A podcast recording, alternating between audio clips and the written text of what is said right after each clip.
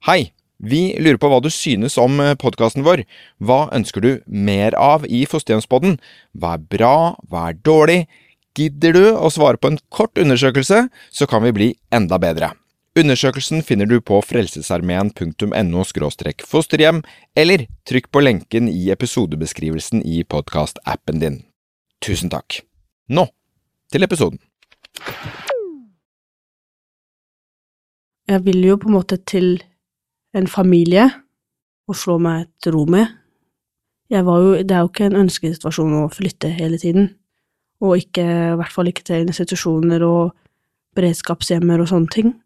Jeg ville jo absolutt flytte til et hjem der jeg kunne bare si mamma eller pappa, og bare bli værende, da. Men så kommer jo det med tilliten igjen. Stoler man på fosterhjemmet? Stoler man på at de har de lyst til å virkelig ha deg der, og hvor lenge gidder de?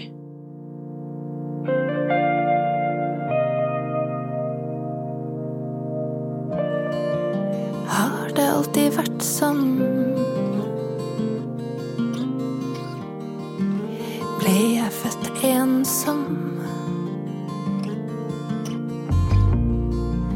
Lå det aldri i kortene for meg å ha en familie og slå leir? Hjertelig velkommen til eh, Fosterhjemspodden, hvor vi i dag skal møte fosterbarn Felicia og også fostermor Kristine.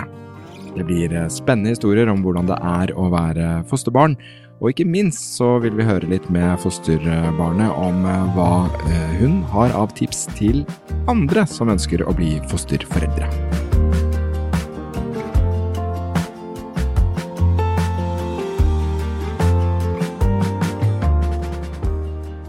Ja, Felicia, velkommen. Tusen takk. Du har eh, førstehåndserfaring, kan man eh, si. Vi har jo snakket med mange fosterforeldre i denne podkasten. Mm. Eh, nå sitter du her som et eh, levende bevis på et fosterbarn. Ja. Hvordan ble du et fosterbarn, først og fremst? Nei, det begynte egentlig med at jeg som 13-åring tok en telefon til politiet og ba om hjelp.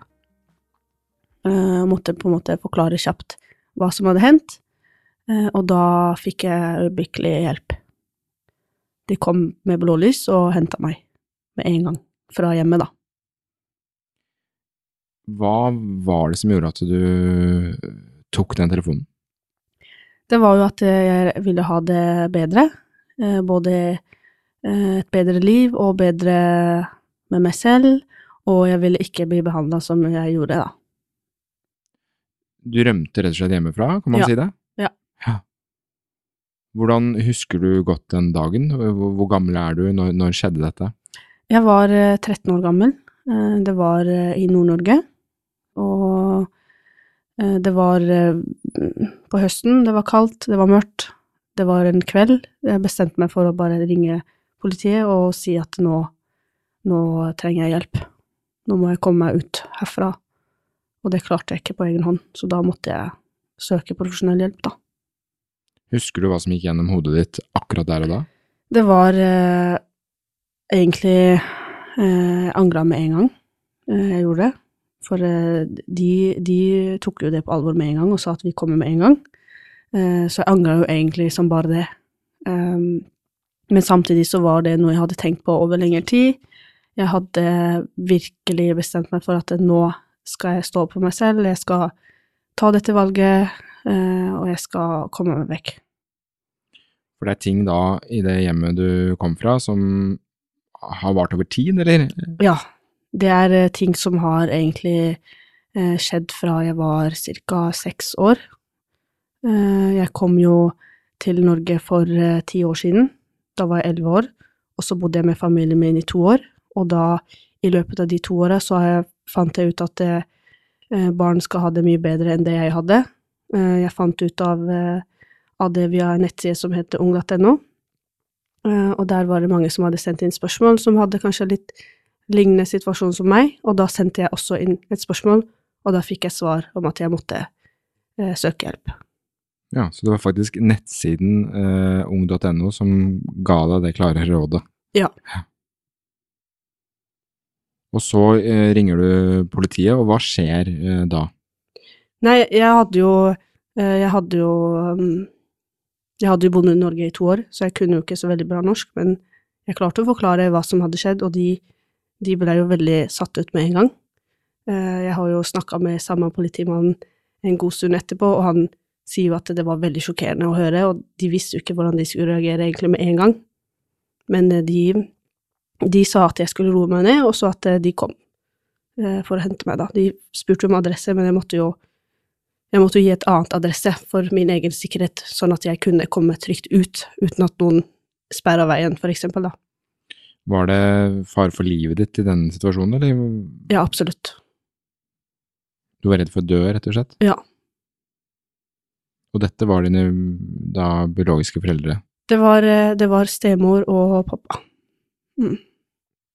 Du rømmer av gårde, eh, politiet hjelper deg, og hva slags hjelp får du nå videre da, etter at det skjer? Eh, Jeg, eh, det begynner med at jeg løper ut av eh, hjemmet vårt, og gjemmer meg under et svært tre, og så ser jeg at blå lys kommer.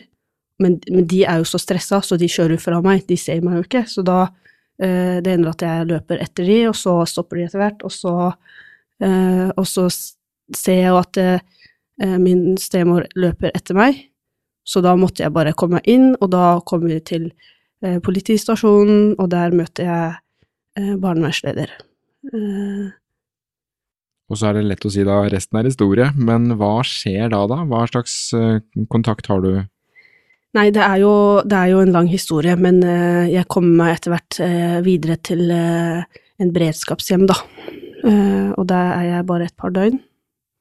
Eh, det var jo ganske seint på kvelden, så det var jo ikke så veldig lett å finne, eh, finne et hjem med en gang, men det, det tok sin tid. Men jeg kom da eh, til et hjem, og de tok meg imot, og det var jo en helt annen verden.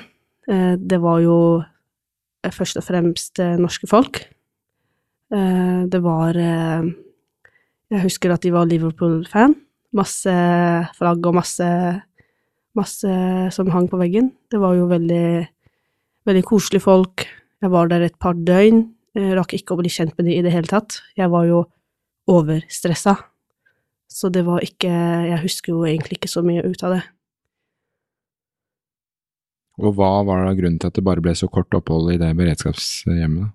Det var rett og slett for at jeg måtte komme meg eh, vekk på grunn av sikkerhet. Ja. Jeg måtte bli skjerma med en gang. Og dette var en dialog med barnevern og politi, eller hvordan, hva skjedde i denne prosessen? Eh, Det var egentlig politiet som eh, avgjorde at jeg måtte komme meg mye, mye lenger vekk, da. Det her var jo i samme byen. Jeg måtte bare ha en plass å sove på eh, et par netter, da. Var du selv redd i disse dagene? Jeg var superredd. Jeg var, eh, jeg var kjemperedd. Jeg var, jeg var jo redd for livet mitt. Rett og slett for å ikke overleve. Husker du hvordan det påvirket på en måte deg og i den plasseringen du var i der og da? Eh, Det var jo vanskelig å få, kontakt med meg, ut fra hva jeg har hørt. Det var jo ikke lett å bli kjent med meg, for eksempel. Jeg var jo Jeg tenkte jo bare Jeg vil ikke dø, jeg vil ikke dø, jeg vil ikke dø. Eh, jeg var jo kjempestressa. Ja. Jeg var liksom ikke helt meg selv, da. Du kommer til, eh, etter å ha opplevd dette dramatiske da, eh, før du måtte ut av den byen du var i, Mm. så kommer du til en ny familie. Eh, hvordan opplevde du å være den nye familien? Det var veldig vanskelig. Det var rett og slett kjempehardt. Det var noe nytt, og det var eh, nye mennesker, nye ting å forholde seg til hele tiden. Og i tillegg så var jeg veldig sliten, og jeg hadde masse tanker, eh, redsel. Jeg var jo redd for livet mitt. Eh, jeg var rett og slett redd for alt. Eh, og jeg skjønte jo ingenting av hvem som ville meg godt og ikke. Eh, jeg trodde jo at alle ville meg vondt. Så det tok jo egentlig Jeg ble jo egentlig aldri trygg på disse personene, da. Du var rett og slett litt skadet av tidligere erfaringer. Ja. Så da ville du bo et annet sted, eller hvordan øh, Hva skjer når du ikke passer inn i den familien du da har gått inn i? Det som skjer, er at det, det, dette hjemmet skulle jo egentlig bare være et beredskapshjem, eh, men det endte opp med at det, det blei på en måte nesten et fosterhjem for meg. Um, det var jo fordi jeg bodde der i to år, og at jeg ble til slutt veldig godt kjent med de, men i, i utgangspunktet så var det jo aldri egentlig et fosterhjem. Eh, De hadde jo blant annet to barn som var mye yngre enn meg, og de hadde jo eh, fulle jobber begge to. Eh, Så det var jo egentlig aldri tid til å prate eller bearbeide ting. Og jeg var jo ganske ung selv, så det var liksom Alt krasja bare, egentlig. Så det var egentlig aldri meninga, da, at jeg skulle bo der. Og de du da var uh, plassert hos, eller den fosterhjemstjenesten, ble du fulgt opp uh, på noe vis, eller fikk du sagt fra at eh, ting ikke fungerte? Uh, Det var ganske tydelig hele veien, men problemet var bare at det, det var vanskelig å finne hjem til, til meg, da, som hadde opplevd så mye og hadde så mye problemer og trengte så mye hjelp, da. Hva tenkte du, hva, hva, hva trengte du hjelp til, tenker du? Jeg trengte jo hjelp til å lære meg samfunnet, også det norske, norske kulturen, for eksempel, norsk språk, eh, hvordan man oppfører seg. Jeg hadde jo ikke lært disse tinga på på samme måten som kanskje andre barn, da. Jeg var jo overforsiktig med ting, eh, jeg var redd for å knuse ting, jeg var Jeg hadde jo sikkert OCD, eh, jeg var skikkelig nervøs for alt. Jeg måtte jo lære meg at det går fint, man kan senke skuldrene, man kan, man kan slappe av, da. Jeg hadde jo veldig mange tanker i hodet eh, om, ja, om at jeg var utrygg, da. Så jeg måtte jo lære at, at det går bra. Jeg kunne liksom Jeg var langt fra foreldrene mine, jeg kunne eh, sove godt om natta, selv om jeg ikke gjorde det, da, i løpet av de, de to åra, da. Og nå er du, bare for å ta alderen din igjen, hvor gammel er du nå? Nå blir jeg 21 år. Nå er du 21, og da, den gang da var du Da var jeg eh, 15, ca. 14-15. Ja. Går du da på ungdomsskole, videregående, i, i det stedet du bodde, eller? Eh, ikke da. Nei. For da var du utenfor skolesystemet, rett og slett? Eh, Jeg gikk på ungdomsskolen, men det var veldig Jeg var veldig mye hjemmeværende, for jeg hadde rett og slett ikke kapasitet til å være på skolen. Mm. Så du ble kanskje litt isolert av det, eller? Jeg var veldig, veldig, veldig isolert. Jeg var mye på rommet, mye Jeg sov hele tiden. Sov dagen inn og dagen ut. Jeg var ikke sosial, og det var rett og slett fordi jeg hadde ikke Jeg hadde ikke plass til det i hodet. Jeg var liksom såpass sliten, både psykisk og, og fysisk, at jeg måtte bare Jeg måtte bare ta det igjen med søvn. Og så skal ikke dette bli den eneste flyttingen du gjør. Hvordan skjedde neste flytting? Eh, Neste flytting skjer at det, det, her til slutt krasjer helt. Ehm, det, det er jo at de hadde jo aldri tid på en måte til å eh, hjelpe meg med å bearbeide ting, eller gå videre med ting, eller eh, rett og slett, de hadde aldri tid til å være der for meg, da.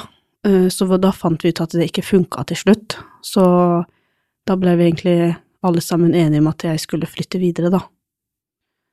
Og da, i mellomtiden, så flytta jeg til en institusjon, og bodde der i to måneder, fram til jeg da flytta til et nytt fosterhjem.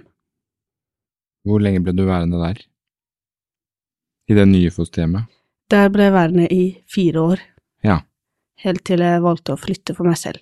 riktig. Ja. Så dette siste eh, fosterhjemmet, det er da eh, regi av Frelsesarmeen? Ja. Ja. Hvor du var i fire år? Ja. Du har jo um, da vært gjennom mange, mange flyttinger, som ikke er sånn helt ukjent i fosterhjemsverden heller. Da du, du, du, kom, du kommer fra din traumatiske fortid, og så er du to dager i, i, i et beredskapshjem, før du da uh, flyr ut, rett og slett, uh, lengre sør i Norge. Hvordan påvirker det deg i den nye fosterhjemsfamilien at du har gått gjennom det du har gått gjennom? Det er veldig, det er jo en veldig stor greie, da. Um, både psykisk og fysisk. Jeg var jo ikke i stand til noen ting, rett og slett. Jeg måtte jo som sagt lære å leve et nytt liv uten mine foreldre. Jeg var jo plutselig fri. Jeg var helt fri til å gjøre absolutt hva jeg ville. Eh, Jeg kunne eh, sove så lenge jeg ville, jeg kunne spise som jeg ville, eller hva jeg ville. Eh, Jeg kunne jo spise svin. Eh, Jeg kunne rett og slett ta av meg hijaben for første gang. og det valgte jeg å gjøre med en gang etter at jeg hadde flytta, så det kunne jeg plutselig gjøre. Eh, jeg kunne ha venner. Så det var jo disse tinga som var så Eller disse tinga jeg ikke fikk lov til, da, når jeg bodde hjemme. Og det er jo ganske mange ting som også jeg ikke har nevnt, men plutselig så fikk jeg lov til alle de tinga, og det var veldig mye å ta inn over seg, da. Ganske stor overgang, ja. Ja. Husker du selv hvordan For da har du båret hijab, eksempel, i hele barndommen. Mm. Ja. Eh, hvordan var det å ta av den, og hvordan var det Jeg husker jo den følelsen at det var liksom Det var veldig, veldig befriende, og det var liksom Det var som at den følelsen når du er ved havet, og bare vinden treffer deg i ansiktet, og det går gjennom håret, og du bare, du bare har det bra. Du bare syns alt er fint, liksom, og du tenker ikke på noe spesielt. Og det var liksom Jeg ble skikkelig fri. Jeg kunne liksom Jeg kunne nesten fly, rett og slett. Eh, det, var, det hadde jeg jo aldri kjent på før. Eh, så det var jo samtidig veldig tungt også. Fikk jeg plutselig lov til det, ikke sant? Er det, er det greit? Eh, Plutselig. Og det var jo en veldig stor overgang, da. Ja, for du var vant til veldig strenge grenser, du. Ja. Jeg måtte jo gå med hijaben så å si hele tiden. Så det var jo en veldig stor overgang å plutselig måtte ta den av, da. Førte det i seg selv på en måte Altså, ble det for godt til å være sant, eller hvordan var det da å, å kunne gjøre alle disse tingene plutselig, da? Eh, Det var for godt til å være sant, men jeg var også redd for å eh, dø, da. Kommer jeg til å dø når jeg tar av hijaben? Blir jeg gjenkjennelig? Er det noen som er ute etter å ta meg hvis jeg tar av hijaben? Eh, Får jeg lov til det? Det er jo, det er jo sånne spørsmål som gikk om og om, om og om igjen, hele dagen, hele natta, hele tiden. Men likevel så følte du at dette skal du gjøre, liksom. Likevel, det, jeg har alltid vært sånn at jeg har alltid gjort, eller jeg har alltid sagt det jeg ville, kanskje jeg har fått litt ekstra bank for at jeg har sagt det eh, men, det er meninga mi, men jeg har alltid vært sånn, og da, selv om jeg fikk alle de tankene i hodet, så tenkte jeg, ja, men det driter jeg i. Det er ikke mitt problem at, at, eh, at jeg ikke får lov, for det, det har ikke jeg lyst til. Og da skal jeg ta hijaben, for det, det har jeg ikke lyst til å gå med, det er ikke, det er ikke min vilje, da. Men dine daværende fosterforeldre har ikke noen regler for det, så da, eller, da kan du, de gir deg muligheten til å på en måte gjøre alle disse tingene. Ja. Husker du når du spiste svin første gang? Det var egentlig når jeg bodde i det første beredskapshjemmet. Eh, Da, eh, da fikk jeg spise eh, kveldsmat. Det var skinke og jeg tror det var ost, hvis ikke det var bare skinke, men det var i hvert fall så nydelig. Og hva føler du egentlig på når du gjør disse tingene, som for, for meg, jeg kan ikke sette meg inn i det hele tatt, ikke sant, og ikke kunne hatt spise det og det, eller måtte gå med det og det plagget. Eh, hvordan er det å plutselig gjøre det for første gang? Jo, du, du føler deg jo litt rebell, da, men uh, det er også noe jeg alltid har på en måte lurt på. Hvordan er det, hvordan er det å spise svin? Hvorfor er, hvorfor er det så ulovlig? Jeg Dør jeg liksom hvis jeg gjør det, da? Det er jo nesten at de mener det, da. Men uh, det er jo, du føler deg rebell, skik skikkelig rebell og skikkelig fri, da. Er det noe følelsesladd inni her også, nettopp fordi at det vært så strengt uh, rundt de tingene i, i ditt, eh, det hjemmet du kom fra? Eh, ja, jeg kan jo si at eh, når jeg først begynte å spise skinke, for eksempel, så var det jo nesten det eneste jeg spiste i et par år, da. Ja, du skulle ta igjen. Jeg skulle virkelig ta igjen, og det var liksom eh, Jeg fikk skikkelig eh, Ja, fikk skikkelig lyst til å spise det hver dag, da, plutselig. Og det var godt. Hver dag. Likevel, selv om du føler på denne friheten, du får tatt av deg hijaben, du får spise hva du vil, ehm, så, så sliter du litt i dette beredskapshjemmet da, som du var plassert i i to år. Mm. Hva er det som gjør at du, ikke, at du sliter sånn, eller ikke finner deg til rette, eller du hadde litt psykiske problemer underveis her også? Jeg hadde veldig store psykiske problemer. Um, jeg hadde jo blitt hele livet fortalt hvordan jeg skal oppføre meg, hvordan jeg skal prate, hvordan jeg skal sitte, um, hvordan jeg skal lese andre mennesker, hvordan jeg skulle lese brikker til foreldrene mine. Eh, og plutselig så, når jeg, når jeg flytta til eh, det beredskapshjemmet, så var jo de tinga fortsatt med. Jeg, jeg leste jo folk hele tiden. Jeg måtte jo hele tida jeg var urolig hele tiden. Jeg skulle vaske, jeg skulle rydde hele tiden. Eh, ingen, ingenting skulle stå skeivt. Eh, alt skulle være helt i orden hele tiden.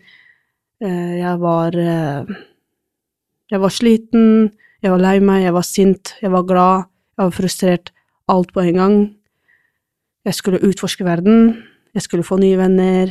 Eh, samtidig så var det veldig vanskelig å få nye venner fordi at jeg sleit. Så det, det var jo mange ting som gikk gjennom hodet mitt på en gang. Det er sikkert vanskelig å sette seg inn i eh, fosterforeldrenes hode, men fra deres side, hvordan tror du det hele var da? Hvordan var hele den familiedynamikken? Det er jo det at det kommer et nytt barn hos deg, da, eh, som også kanskje er fra et annet land, for eksempel. Eh, de kan ikke språket, og du må på en måte være der ute hele tiden, da. Du må liksom eh, tilby hjelp, du må være til stede hele tiden, du må være til stede på natta, på dagen, på skolen, på BUP. Du må være der for de ganske ofte, da, selv om det ikke er ønska alltid, da. Var det en utfordring ved dette fosterhjemmet? At eh, Jeg vil si at det var en veldig stor utfordring for de, for det var eh, Det virka som det ikke var en selvfølge for de, da. Kanskje at barna deres ikke trengte så mye hjelp, og da tenkte jeg at jeg klarte meg fint uten, da. Men da endte jeg opp bare å isolere meg selv og uh, lukke igjen døra og bare være aleine, da. Når ingen spurte hvordan, hvordan har du det. Så det er noe man kan si til andre fosterforeldre òg, at det er utrolig viktig å sette av tid? Jeg syns eh, når du skal ta til deg en sånn jobb, så syns jeg det nummer én og viktigste tingen er om du har tid eller ikke. Eh, Du kan Jeg skjønner at mange jobber eh, ved siden av, men det er veldig spørs på hvordan type barn du får. Hvis du får noen som har mye utfordringer samme som meg, da, så vil jeg ikke Jeg vil ikke ha dårlig tid, for å si det sånn. Mm. Hvordan følte du selv det å ikke bli ordentlig sett da, eller ordentlig hørt? Jeg følte at jeg ikke kom noen vei.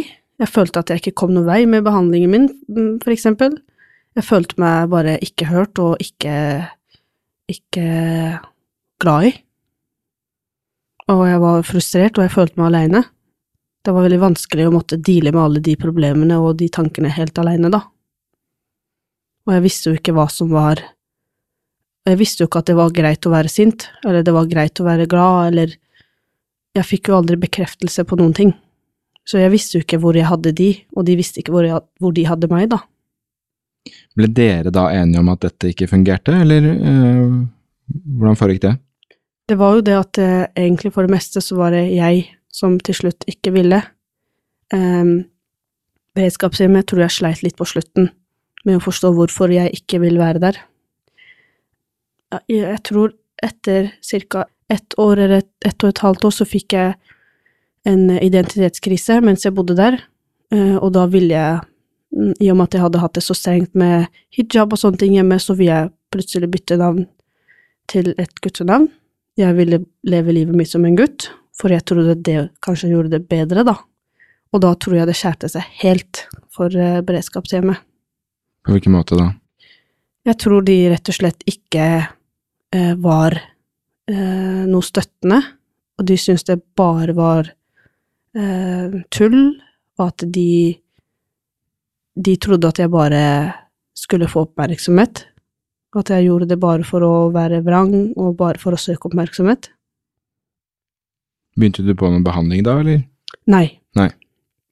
Ikke da, men det var en tanke jeg ville dele med de. Jeg ville liksom prate og Jeg ville egentlig at de skulle forklare meg hvorfor jeg følte de følelsen, da, men jeg fikk, i og med at jeg aldri fikk de uh, I og med at jeg aldri fikk forklaring, så tok jeg bare det valget selv. At da vil jeg det. Da var det riktig, da. Du møtte ikke noe Du ble ikke hørt på, på det i det hele tatt, nei?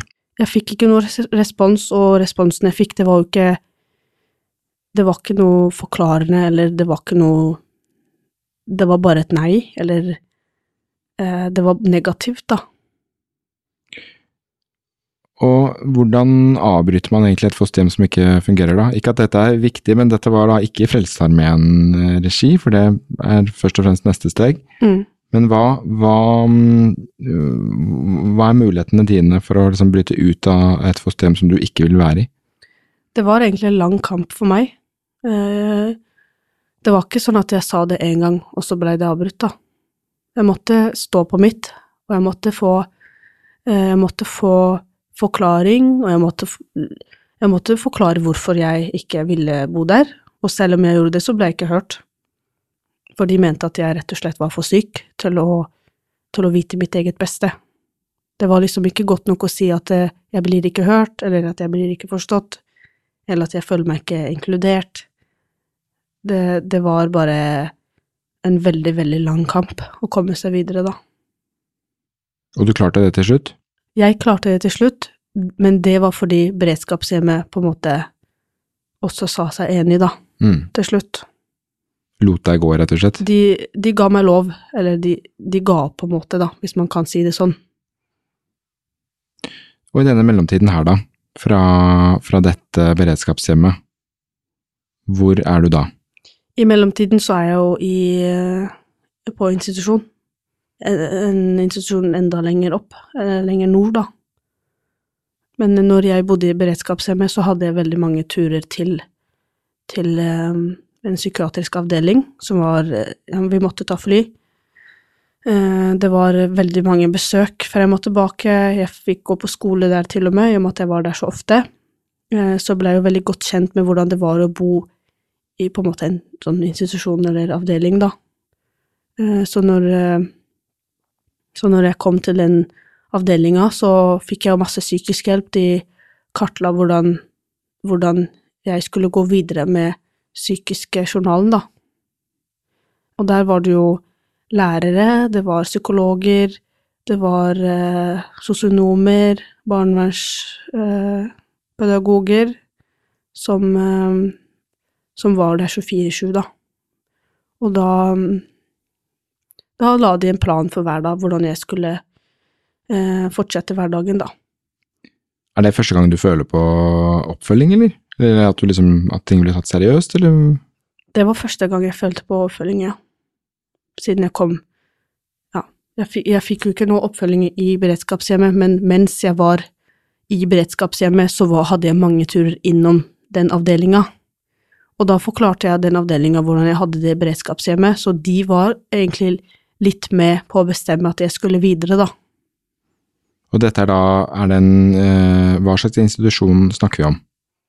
Det er en lokka institusjon for eh, de som har psykiske, litt alvorlige problemer, da. Mm, så dette handler ikke om barnevern som sådan, det er rett og slett en, et eh, sted for folk som sliter innen psykiatri. Ja. Ja. Men jeg tror det er en kobling mellom barnevernet og de. Ja. Det er jo for, det er jo for barn Mm. eh, og ungdom. Møtte du likesinnede der, eller? Eh, ja, men det var eh, I og med at det var så lokka, så hadde vi ikke så veldig mye kontakt med andre. Eh, alle gikk jo på behandling, og alle hadde det veldig dårlig. Eh, så jeg hadde egentlig mest kontakt med bare ansatte, og jeg fikk veldig fint forhold til veldig mange av de. Husker du, husker du godt hvordan det var å være der? Altså, hva, hvordan var uh, situasjonen din da, sånn helsemessig? Jeg hadde jo det helt forferdelig, så jeg husker at det, jeg, var, jeg hadde det helt grusomt. Uh, når jeg var der, så så jeg jo egentlig ikke noe poeng å være der, for eh, jeg ble sendt dit kun når jeg hadde psykiske anfall, som det heter, angstanfall for eksempel. Da ble jeg sendt dit for da å bli lagt inn, og da, når man tenker på angstanfall, så skjer det egentlig veldig ofte. Så flere ganger i uka, eh, kanskje to ganger i uka, og mange ganger i måneden. Eh, Så det her Jeg endte opp med å bli veldig godt kjent med systemet og, og de som jobba der, da. Hvordan syns du det var da? Jeg syns jo det var bra, fordi jeg fikk et forhold til de, og jeg fikk egentlig veldig mye omsorg av disse personene. Det er, det er jo litt rart, for de, det her er jo på en måte bare en jobb, men jeg følte at jeg fikk veldig mye omsorg av de, og det var første gangen, følte jeg da, på lenge, at jeg fikk eh, Eller det var første gangen egentlig hele ti, hel, altså i løpet av hele livet, da, at jeg fikk skikkelig forståelse, og noen som virkelig var der for meg. Hvordan var det? Det var rart. Veldig skremmende. Men jeg visste jo at de bare jobba der. Så det var ikke, jeg ble ikke knytta til dem, men jeg klarte jo ikke å stenge av følelsene heller. Så jeg ble veldig, veldig glad i en av de, for eksempel. Hun ene var veldig, veldig søt og veldig hyggelig. Eh, Det var litt min kontaktperson. Eh, Så vi fikk et veldig godt forhold sammen. Hun hadde en hund, vi gikk på tur sammen. Eh, Hun bakte kake. Det var veldig koselig. Vi hadde det veldig fint når hun var på jobb, da. For Du har jo snakket om at det har vært vanskelig for deg å ha tillit til folk, eller øh, skjønne motivene de har, eller om, de, om du kan stole på det eller ikke, og hva de skal gjøre og ikke gjøre. Ehm, klarte du å få tillit her, da? Her fikk jeg veldig tillit til henne på grunn av hunden, eh, for da så jeg hvordan forhold hun hadde til hunden sin, og hvordan hun prata til hunden sin, og var ikke voldelig eller noe tegn til å være streng, og hun bakte sjokoladekake fordi jeg ønska det. Og vi gjorde mange ting sammen som var koselig, og ting som gikk på mine premisser, da. Og det, det var jo ikke bare et par ganger, eh, det var jo over lengre tid, og da fikk jeg bygd et forhold til henne, da, når når jeg fikk sett eh, etter hvert at hun var snill, da. Hvor lenge var du her? på denne... Jeg var, jeg var i den avdelinga i cirka kanskje et år til sammen. Pluss minus. Og så ender du da til slutt i et øhm, fosterhjem i regi av Frelsesarmeen. Hva, hvordan går det til? Det skjer jo at jeg til slutt så ble flytta i det fra det beredskapshjemmet og til institusjonen, for da skulle jeg vente på å bli flytta til et fosterhjem. Og der bodde jeg kanskje et par måneder, en måned cirka, og da fikk jeg Jeg venta jo hver dag. Jeg spurte de ansatte har dere funnet noen, har dere funnet noen hver dag, og da var svaret nei. Men til slutt, en dag, så sa de ja, nå, nå har vi funnet et hjem til deg, nå kan du endelig flytte herfra. Og da var det hjemme langt, langt, langt sørover. Så det var jo Det var veldig skummelt å på en måte flytte hele tiden, så langt unna hverandre hele tiden. Men jeg kjente at jeg gleda meg. Hva var grunnen til at du gleda deg da?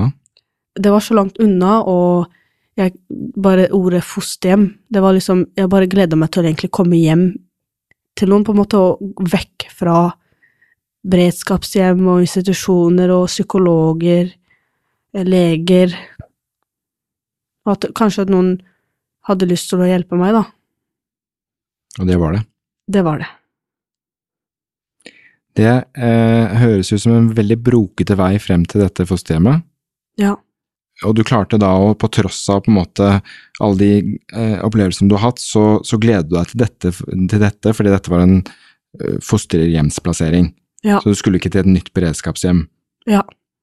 Så du så for deg noe mer varig, da, eller hva tenkte du når du var på vei dit? Jeg ville jo på en måte Jeg ville jo på en måte til en familie å slå meg et ro med. Jeg var jo Det er jo ikke en ønskesituasjon å flytte hele tiden. Og ikke, i hvert fall ikke til institusjoner og beredskapshjemmer og sånne ting. Jeg ville jo absolutt flytte til et hjem der jeg kunne bare si mamma eller pappa, og bare bli værende, da. Men så kommer jo det med tilliten igjen. Stoler man på fosterhjemmet? Stoler man på at de har de lyst til å virkelig ha deg der, og hvor lenge gidder de? For på dette tidspunktet så har du egentlig ikke noe god erfaring med da først og fremst beredskapshjem, da, men å møte andre familier har du begrenset på en måte positive tanker rundt. Jeg har jo rett og slett ikke bare møtt noen voksne folk som har vært trygge nok til å egentlig bare bygge et skikkelig forhold til, da. Jeg har jo bare møtt eh, eh, utrygghet og, og folk som vil meg vondt, da. Og jeg møtt jo masse psykologer og mange folk på barnevernet, men de gjorde bare en jobb. De, de var jo ferdig når de dro fra oss. Da, det, de skulle, da skulle de hjem til sine familier. Men så Det som var forskjellen her, var at det, dette hjemmet, så var det på en måte Det var et hjem, da. Det var ikke sånn at de var ferdig på jobb, og så skulle de hjem igjen. Her så skulle de være der med meg, da. Mm, det var frikjøpt, så Mm. her skal man være en heltidsjobb, rett og slett. Mm. Mm. Eh, Kristine sitter jo her, som vi skal trekke inn litt motvillig litt seinere. Men husker du første møtet ditt med eh, Kristine? Første Din møte, fosterhjemsmor, altså, bare så det er liksom understreket. Første møte var veldig spesielt. Eh, Jeg hadde jo fått lov til å se bilder av henne og hjemme og eh, de biologiske døtrene hennes, men hun hadde ikke sett hvordan jeg så ut. Jeg visste jo sånn cirka hvordan hun så ut, men det, var, det er jo alltid spennende på en måte å vite hvem, ja, hvem mammaen din på en måte er, da. Så husker jeg at jeg møtte en dame som bare smilte og lo hele tiden. Og for meg så var det kjempeuvant. Jeg var vant til at voksne var morske og sinte, og hun var stikk motsatt. En solstråle. Husker du hva dere sa til hverandre? Det husker jeg dessverre ikke. Det, er, det her er jo nå seks år siden. Så, og jeg var jo kjempestressa, og det var mange tanker rundt det her. Men jeg, husker ikke hva jeg sa, eh, hva, eller hva hun sa, men det var veldig formelt, husker jeg. Det var veldig skummelt, og det var veldig nytt. Hva husker du, Kristine, fosterhjemsmor, fra dette møtet for seks år siden? husker jeg, jeg husker veldig godt, for det kom en jente på verandaen med koffert, kjempestor koffert. Nina var jo selvfølgelig også med oss hjemme da. Eh, Jeg husker så den fine jenta med, med kort, fint hår, regulering og briller. Veldig søt jente som kom inn. Så det var veldig spesielt, og jeg syns det Eller det var veldig spesielt å ikke ha sett henne før. Tenkte på at hun skulle bo hos meg. Så det Nei, men det syns jeg var et fint møte, men jeg husker ikke helt hva vi sa til hverandre. Nei. Nei. Husker du, Nina, hva vi sa? Det var jo en liksom spenning da, siden eh, Felicia ikke ville at du skulle se noe bilde av henne, Mhm. så du var jo veldig nysgjerrig på det. Eh, Så, så det var nok litt formelt, som Felicia sier. Mhm. Mm. Nina, du er jo da fosterhjemskoordinator, bare så det er sagt, i Frelsesarmeen. Men Kristine, hvor mye visste du om uh, Felicia, da? Jeg visste historien hennes. Den hadde jeg fått fra Nina, så jeg hadde lest gjennom papirene. Så jeg visste en del om helsa hennes og ja, de utfordringene hun hadde da. Mm.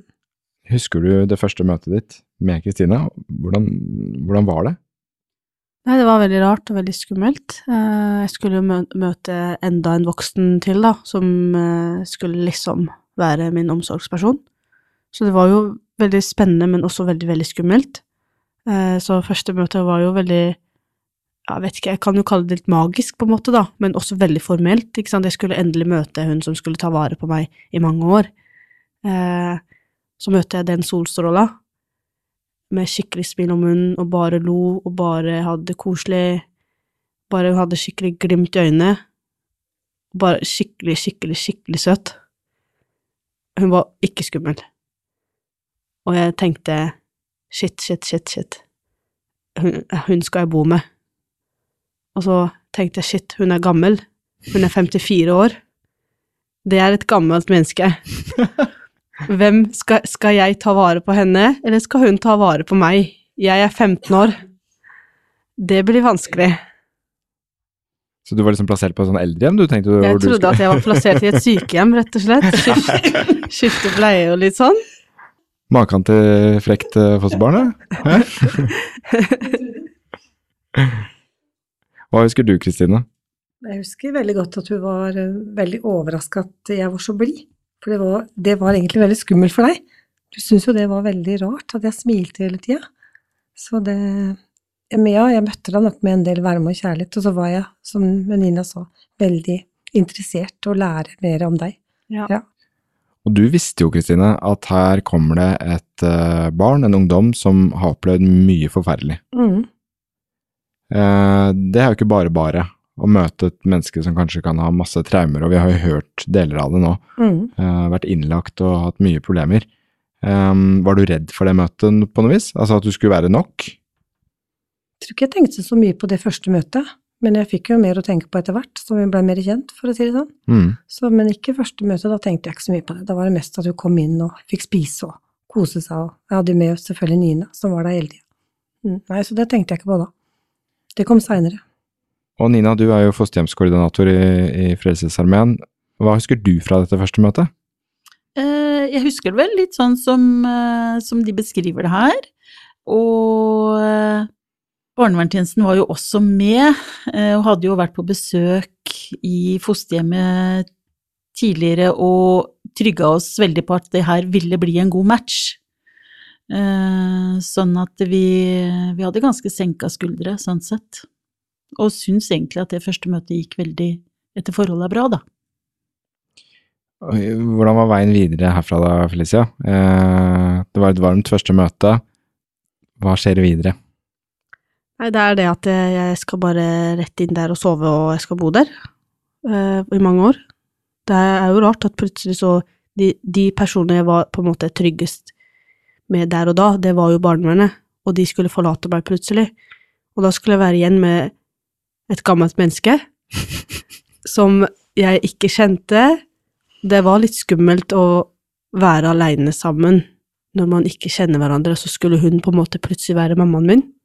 Og i dette tilfellet så var det bare meg og henne. Hun var jo forsterka fosterhjem bare for meg.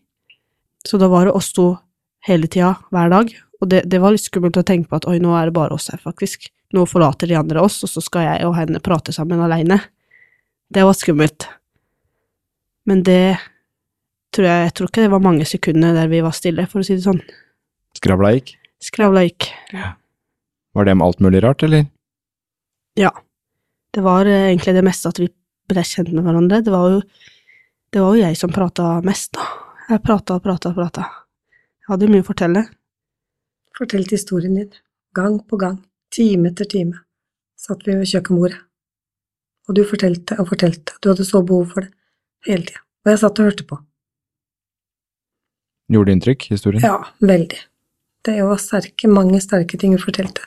Og hadde så behov for å snakke om det, og ville si det nesten til alle som kom på besøk òg. Så jeg måtte stoppe henne en del, egentlig. Så vi ikke fortalte det til alle.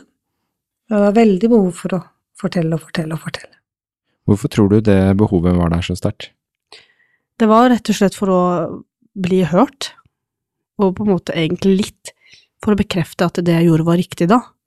At jeg slapp av, liksom. Det her er ikke Det her det var helt riktig avgjørelse, og eh, du har gjort det riktig, og du burde ikke angre, eller Det var rett og slett bare for å bli hørt og få omsorg, da. Ikke for å Å, stakkars deg, ikke noe sånn, men for å få omsorg, og for å eh, rett og slett eh, få mange til å vite hva jeg har vært igjennom, da. Hva eh, syns du var hovedforskjellene på det fosterhjemmet eh, med Kristine og det du hadde opplevd før gjennom beredskapshjem? Det var det, den, det engasjementet hun viste, da.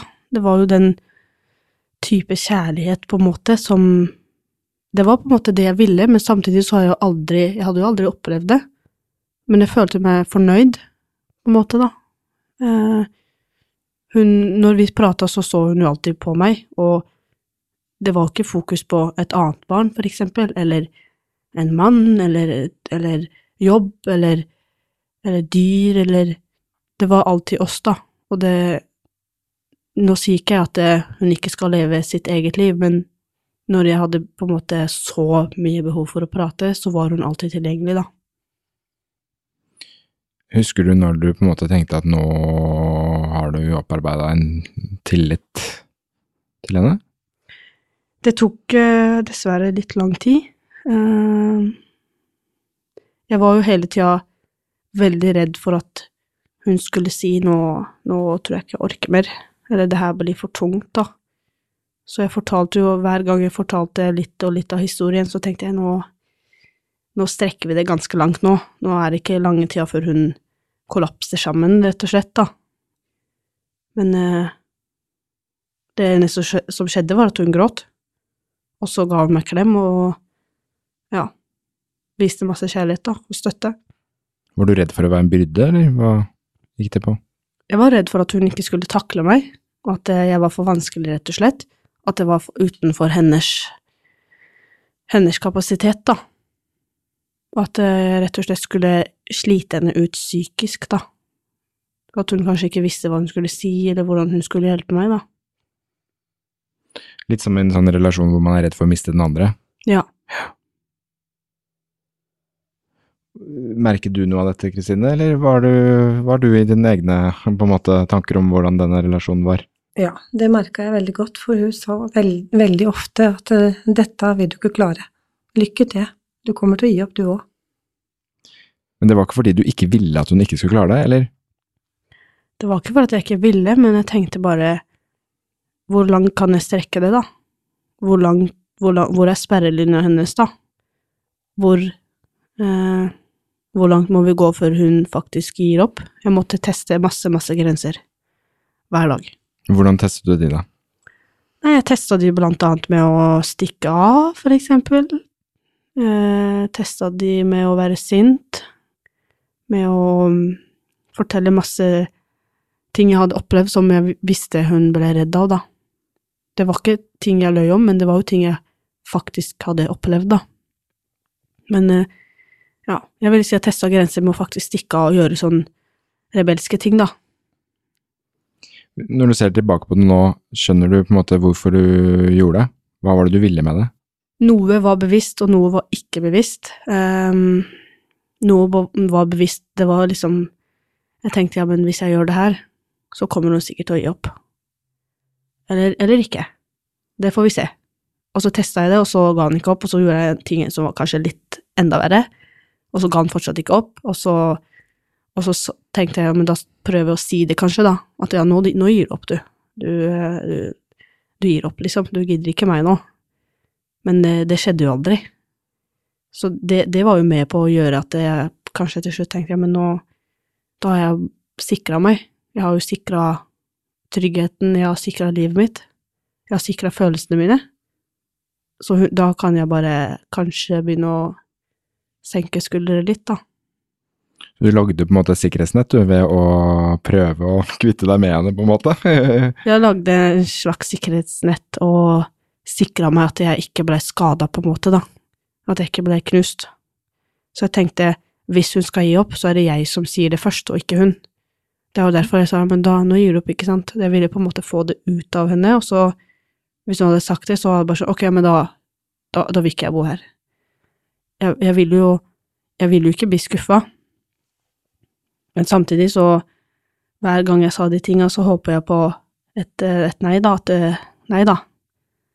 Jeg gir ikke opp. Så jeg gambla på en måte lite grann, og hun Jeg ble jo ikke skuffa, for hun sa alltid jo, det, det klarer jeg, liksom, og det Da må du gi deg, liksom. Når, hvor lang tid tok det før du, eller når var det du slutta med det her og tenkte at ok, hun her, hun, uh, dette er hel ved? Det tok jo egentlig ganske lang tid. Det tok i hvert fall I hvert fall et par år. Ja, det gjorde nok det. Du sa ofte at du vil flytte tilbake til institusjon. Jeg tenkte jo at jeg, jeg ville tilbake til institusjonen fordi jeg hadde ikke noen å forholde meg til, på en måte, da. Jeg, jeg slapp å sette følelser i fare, og dine følelser i fare. Mm. Jeg var jo ikke til bry på institusjonen, for det var på en måte jobben deres, da. De kunne bare dra hjem og slappe av etterpå, men det kunne ikke hun. Jeg visste at det her var en jobb for henne, men, men samtidig så, så var det ikke en jobb. Hun, jeg så litt på henne som en som en mamma, kanskje, eller familiemedlem, eller noen som jeg skulle på en måte overbevise ting om, da. Jeg så ikke på hun som bare noe som gjorde en jobb, egentlig. Hvorfor ga du ikke opp, Kristine? Nei, det var aldri aktuelt for meg å gi opp. Det var ikke det. Det, det bestemte meg for at det, det skulle jeg ikke. Så var det jo en kjempefin jente jeg fikk med masse utfordringer, men mye godhet òg, da. Mye kjærlighet. Fikk mye tilbake. Har fått veldig mye tilbake. Når hun testet deg sånn som hun åpenbart her sier at hun har gjort, hva, hva, hvordan løste du det, eller hva tenkte du når hun gjorde det? Jeg ringte Nina. Fosterhjemskoordinator. Mm. Og da fikk du hjelp. Ja, med en gang. Hun kom. Hva, hva, hva slags hjelp fikk du da? Nei, da fikk hun roa meg ned, da, og hjelpa meg. Kom hjem til oss. Alltid. Hun var der 24-7. Hele tida hvis det var et eller annet, så ringte jeg til henne, så kom hun hjem til oss. Så ja, hun fortalte hvordan jeg skulle gjøre ting, og hvordan Felicia tenkte. Men det har jo vært eh, vanskelige perioder, spesielt når eh, Felicia ikke hadde lyst til å leve mer. Så det, det var vanskelig. Som hun ja, rømte, hoppa ut av vinduet. Vi kjørte bil, og hvor vi ville hoppe ut i fart. Så det har vært en del sånne ting, men det har jeg jo en kunne ha alltid hatt noen å ringe til, da. Så har vi kommet oss i, litt i mål, eller litt i land på det, da. Vi snakka jo mye om de tinga i etterkant også. Ja. Og var det da faktisk at du tenkte at du ikke ville leve, eller var dette en del av testregimet, på en måte? Det var jo det, det var derfor jeg tenkte at hun ikke orka mer, fordi jeg hadde de tankene da. Og tenkte at det, hvis jeg deler de tankene Altså, jeg hadde jo de tankene, men jeg tenkte at det var en, på en måte den største krenka på hun da. Og at hvis jeg eh, Hvordan reagerer hun hvis hun får vite at jeg ikke har lyst til å leve, da? Det var jo på en måte en måte å teste på, men det var jo ekte. Det, det, akkurat det var liksom virkelig, da. At jeg hadde ikke lyst, og jeg ville selvskade meg, og ja. Så ikke noe poeng liksom i å leve, da. Jeg sa det til hun hver dag. Jeg har ikke lyst til å leve. Hvorfor våkna jeg nå? Jeg angra på at jeg våkna, eller jeg skulle aldri våkna, ikke sant, og det er ganske hardt å si Eller det er ganske hardt for henne, da, å ta det imot hver eneste dag i et par år.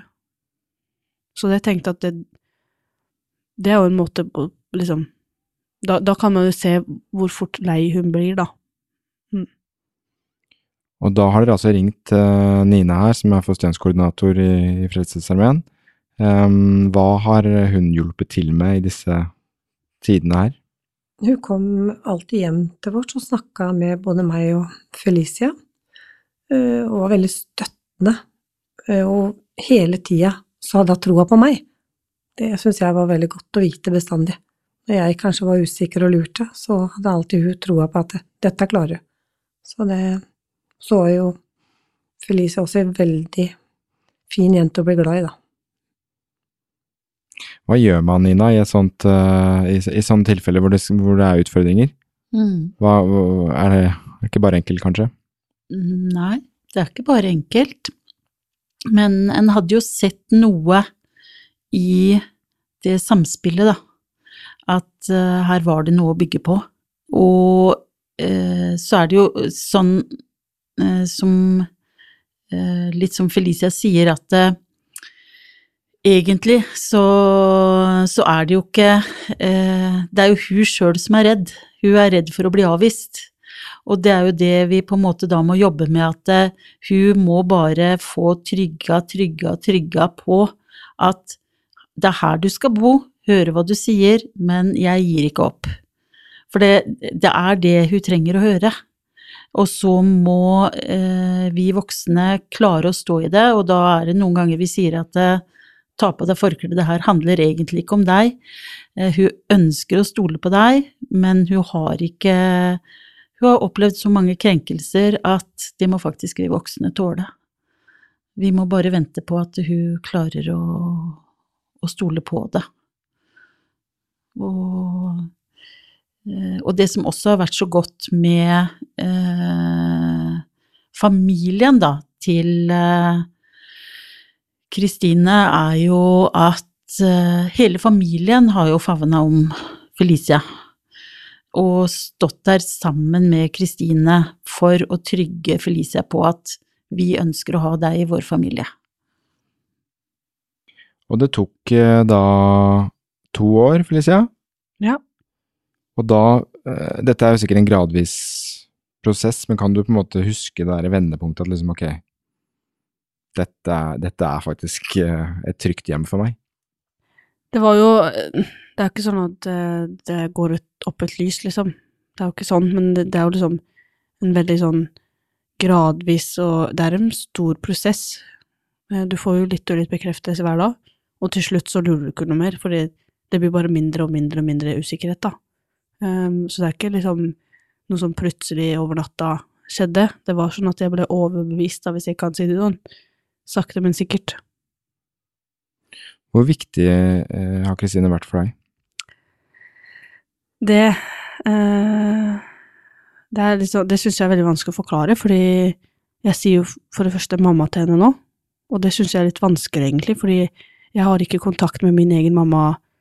Eh, Jeg mista kontakt med henne da jeg var seks år, og hun bor da i mitt eget hjemland, da. Eh, Så jeg har jo aldri hatt noen på en måte som har hatt en mammarolle for meg, da. Så jeg syns det, det har vært litt vanskelig å si mamma, fordi det ordet er så stort for meg, da. Men det er det hun har vært for meg. Hun har vært der for meg hele tiden.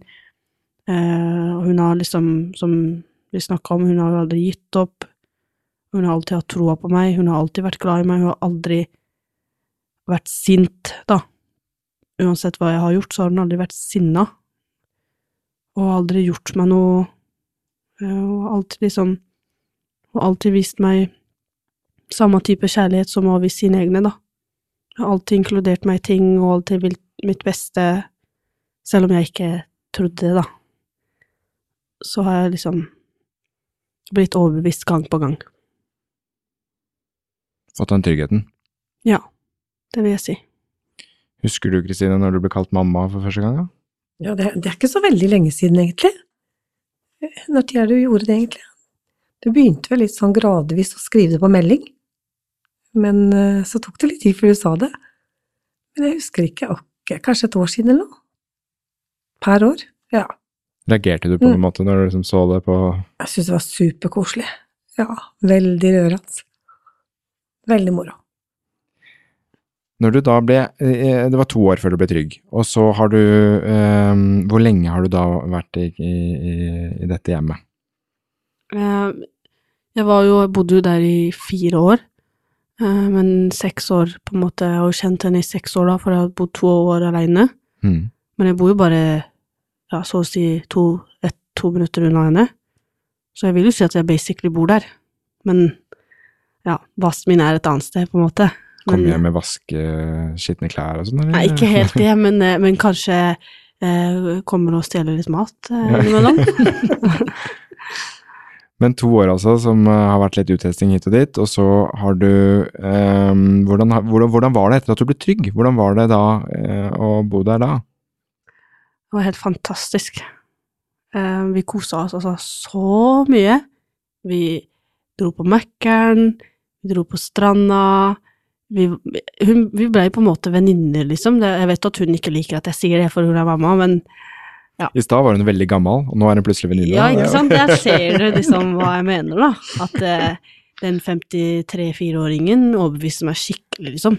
Jeg tenkte oi, shit, nå, nå, nå blir det hardt her, altså. I starten.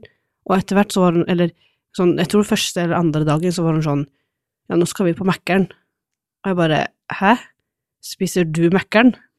Liker du det, liksom? Og hun bare, ja, ja, ja, ja. Og så dro vi på Mækkern, og ja, vi kosa oss og dro på stranda, vi bada.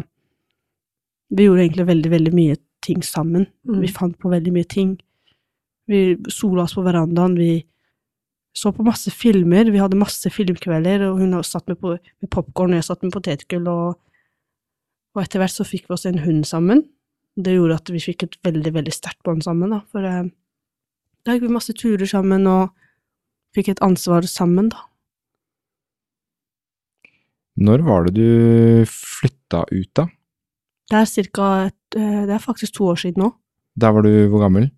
Da var jeg 19. 19 år, cirka. For når du ble 18, da kunne du i utgangspunktet velge selv hva du ville gjøre med livet ditt, holdt jeg på å si. Ja. Ja. Hvilke tanker gjorde du da, da? Da har du vært gjennom mye, mye karusell, Ja. og du, er, er det rundt 18, da har du vært Hvor lenge har du på en måte følt deg trygg i i Kristines hjem da, før det blir et spørsmål om hva du skal gjøre neste gang? Jeg hadde jo følt meg trygg ganske lenge. Jeg, jeg, jeg husker egentlig ikke hvorfor jeg begynte å tenke at jeg ville flytte, men jeg tror vi begge var enige om at jeg bare var Det var ikke sånn at noen av oss ville at jeg skulle vekk, men det var bare sånn at ja, nå er du klar. Nå er du voksen, liksom, og jeg var lærling. Jeg var frisørlærling, og hadde begynt å tjene egne penger og sånn. Og da um, følte jeg meg veldig selvstendig, og så begynte vi liksom bare sånn ja, se på leiligheter og sånn, og da plutselig fant vi en, en leilighet, da, eh, rett borti henne, og det var folk vi kjente, og da bare sånn Det skjedde egentlig ganske fort. Mm. Det var jo ikke veldig planlagt, men det var bare at det Det bare skjedde naturlig, liksom. Var, var det greit for deg da, på en måte? Altså dette tenker jo jeg er helt naturlig når man er 19 år, at man flytter hjemmefra, på en måte. Eh, men var det annerledes for deg, på noe vis? Fordi du har flyttet så mye og vært så utrygg, eller følte du da at du på en måte var en helt normal ungdom som skulle flytte hjemmefra? Det var absolutt ikke det. Eh, Det var veldig stort for meg å flytte alene altså. for det var Det var det på en måte Den tryggheten Jeg mista jo på en måte den tryggheten. Men likevel så var hun jo, hun var jo to minutter unna. Så jeg var jo så å si der hver dag, ikke sant, og hun var hos meg, og vi gjorde på en måte den prosessen her sammen, da. Eh, vi var og kjøpte ting, kjøpte sofa, kjøpte ting, og hun, hun lagde på en måte den tryggheten om igjen i mitt hjem, da. Og hun ringte ofte, hun skrev ofte på meldinger 'jeg er her', bare ring hvis det er noe, bare kom med på middag. Så jeg tror det var det som gjorde at jeg følte Jeg følte meg nesten litt vanlig, på en måte. Litt vanlig ungdom, men samtidig så var det jo veldig hardt, da. Det var jo liksom mange ting jeg lurte på, og det gjør jo alle, det vet jeg at alle gjør, men jeg lurte litt ekstra, da. Og da eh, Jeg tror jeg hadde slitt veldig hvis jeg ikke kunne ringe henne eller sende henne meldinger. Hvordan var det for deg da, Kristine? At hun skulle flytte igjen? Det var jo greit, for da var hun nærma seg 19 år. Men allikevel så skjønte jeg jo det at eh, hun var klar, men samtidig ikke klar. For hun trengte meg veldig, trengte meg veldig mye. Ja, og vi var veldig mye sammen den perioden. Det er vi jo egentlig fortsatt, men eh, ja, hun trengte mye veiledning når hun var 19 år. Til å betale regninger, det var mange ting du lurte på som du ringte hjem om. Så jeg følte at du var klar, men samtidig så ja, Hvor lenge har du bodd ute, ut, altså hjemmefra nå? Eh, Det er jo to år, da. mm. Så um, det går veldig fort. Men samtidig så angrer jeg for å på en måte ha flytta, da, for jeg vil være en liten jente igjen og være hjemme hos mamma og få potetgull i skål og se på TV, da. Jeg vil jo fortsatt det, men ja, jeg gjør jo nesten det. Det er liksom Det tar ett minutt å kjøre bort, og så er jeg der. Hvor ofte er dere i kontakt, da? hver dag. Hver eneste dag? Ja, ja. Ja, faktisk. På, hvilke, på alle mulige måter, holdt jeg på å si, eller? Jeg tror vi faktisk ringer én til fem ganger om dagen. Hver dag. Og hvis ikke, så ja, Jeg tror ikke det har vært én dag ja, Kanskje hvis jeg har vært veldig mye på jobb, men da har hun sendt meldinger, og Mm. der står det 'Jeg er glad i deg'. Eller 'Hva gjør du? Hva skjer hos deg?' Og hvis ikke hun sender de meldingene, så sender jeg de meldingene. Så vi har kontakt på en eller annen måte, uansett hva skjer, hva som skjer, da. Så ja. ja vi er veldig oppdaterte i hverandres liv, da. Det vil jeg si. Hvordan er det for deg å se tilbake på livet ditt? Sånn, det er jo rart å si til en eh, som så vidt er blitt voksen, på en måte, men hvordan, hvordan er det å sitte her i dag? Jeg føler jo at jeg har levd eh, et helt liv, da. Jeg føler at jeg er skikkelig gammel, egentlig, men det er liksom, jeg sier det til mamma også ofte, at det, det er så absurd å tenke på hvordan jeg var når jeg flytta til henne, og hvordan jeg er nå. Og nå er jeg så trygg, og jeg kunne nesten vært et fosterhjem sjæl nå. Ikke at jeg skal det nå, men yeah. jeg, jeg kunne nesten vært det. Kanskje første gang. Men eh, jeg syns det Ja. Det er liksom nesten at jeg glemmer Jeg sier det til henne ofte, at jeg glemmer hvordan hvor jævlig på en måte jeg har hatt det, da. Men det er litt godt òg, at jeg faktisk faktisk er helt frisk av alt diagnoser og eh, alle tanker er nesten borte, liksom, og den største bekymringa er at eh, ja, regninger og bare sånn kjedelig voksenting, da. Det har jo vært mye oppmerksomhet også rundt, eh, rundt fosterhjem, positive og negative sider. Em, du har jo vært gjennom noe av det som er blitt kritisert i fosterhjem, at det er mye flytting. Ja. Det er hit og dit, og institusjon, og beredskapshjem er kanskje mest kjent for det, for det er kort og akutt. Ja. Um, hvordan skulle du ønske at det var? Det er veldig mange ting som selvfølgelig kunne blitt gjort helt annerledes. Um, jeg syns jo liksom det å være helt sikker på at noen kan jobben sin i et bered- i et beredskapshjem, for eksempel, det syns jeg er utrolig viktig, for vi da, som fosterbarn, eller whatever, når vi kommer, eh, når vi kommer dit, så skal det være bra.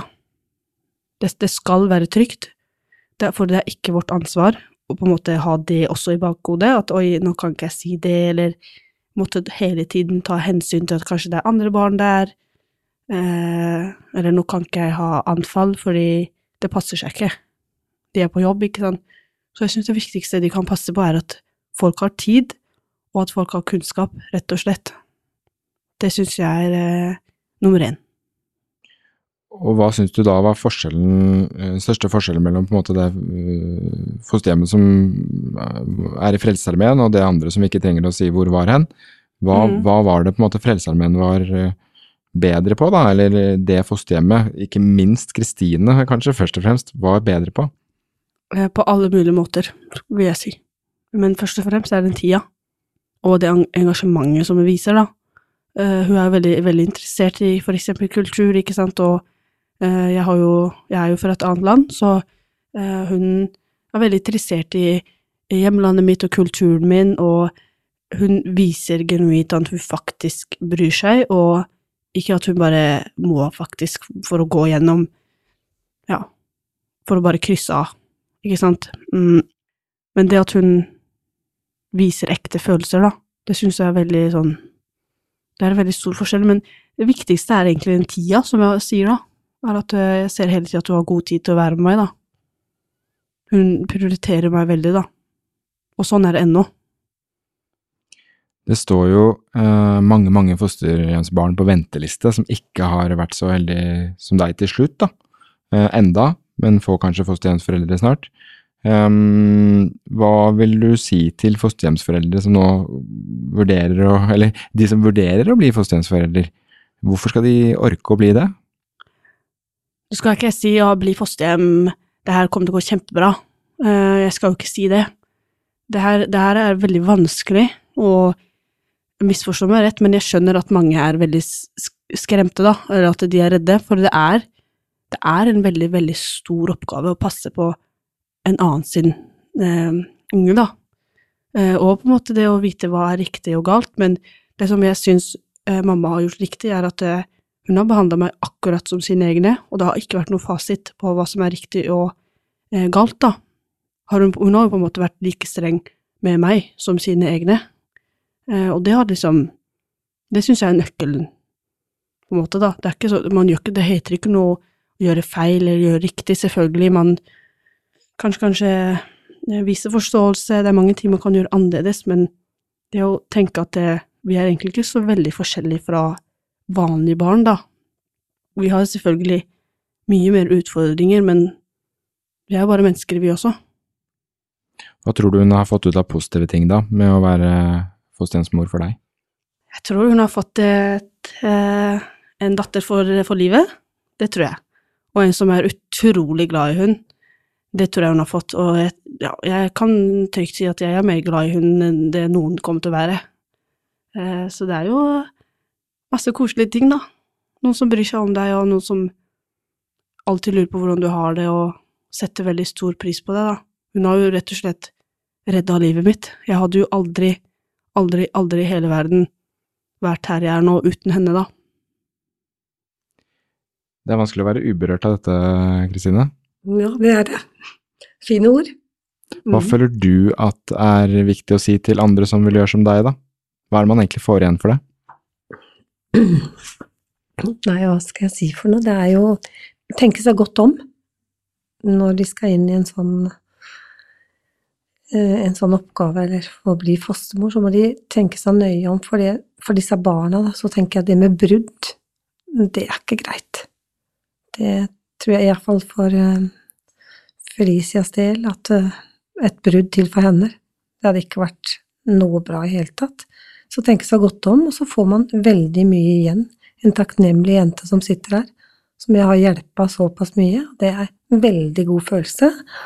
Og så selvfølgelig å ha en koordinator og Frelsesarmeen med på laget.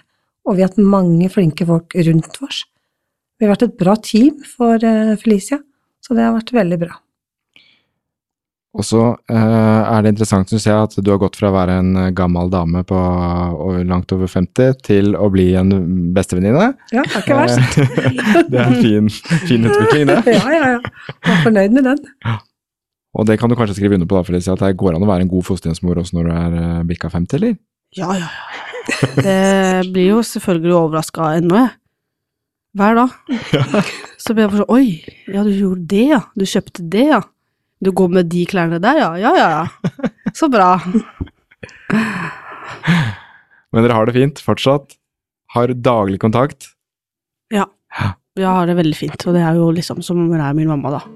Ja, ja, helt superfint. Det er liksom som vi har kjent hverandre hele livet, egentlig. Det er liksom, jeg, det er liksom, jeg pleier å tulle liksom, det er nesten som jeg er nyforelska i mamma. Det er liksom Jeg setter så pris på hun og liksom, ja, jeg har aldri kan Selvfølgelig litt irritert her og der, men det er ikke lenge. For Det er si det sånn. sjeldent. Veldig Vi- sjeldent. Vi legger oss ikke sure. Nei. Aldri. Tusen takk for at dere kom, begge to. Felicia Tusen takk. og Kristine. Tusen takk for at dere delte. Veldig, veldig fint å høre fra deres synspunkt, begge to.